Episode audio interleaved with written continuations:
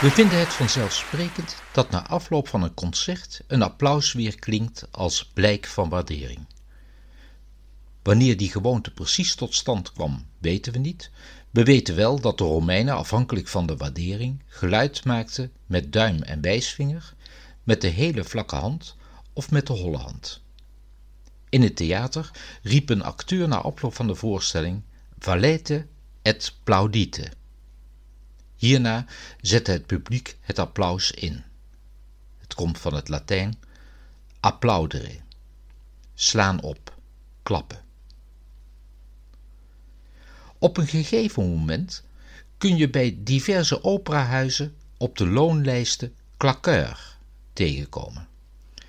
Hun taak was het om enthousiasme bij het publiek op te roepen door applaus op geregisseerde wijze in te zetten. Succes bleek maakbaar. Vergelijk dit maar met het kunstmatige gelach bij komische tv-series of het op commando toejuichen van tv-presentatoren of kandidaten.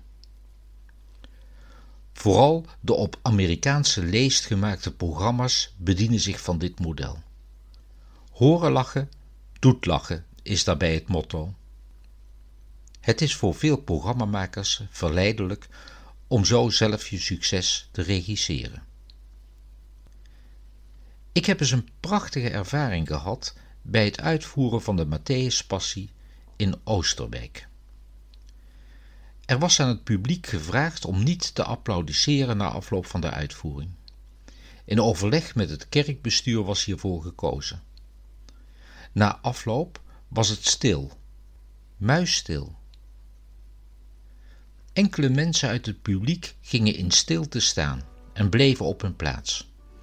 Binnen de kortste keren, als was het afgesproken, stonden ongeveer 700 mensen in de kerk in stilte als teken van waardering, terwijl wij als uitvoerende het podium verlieten. Ik realiseerde me op dat moment dat dit een indrukwekkende vorm was om waardering te uiten. Krachtiger zelfs dan een oorverdovend applaus.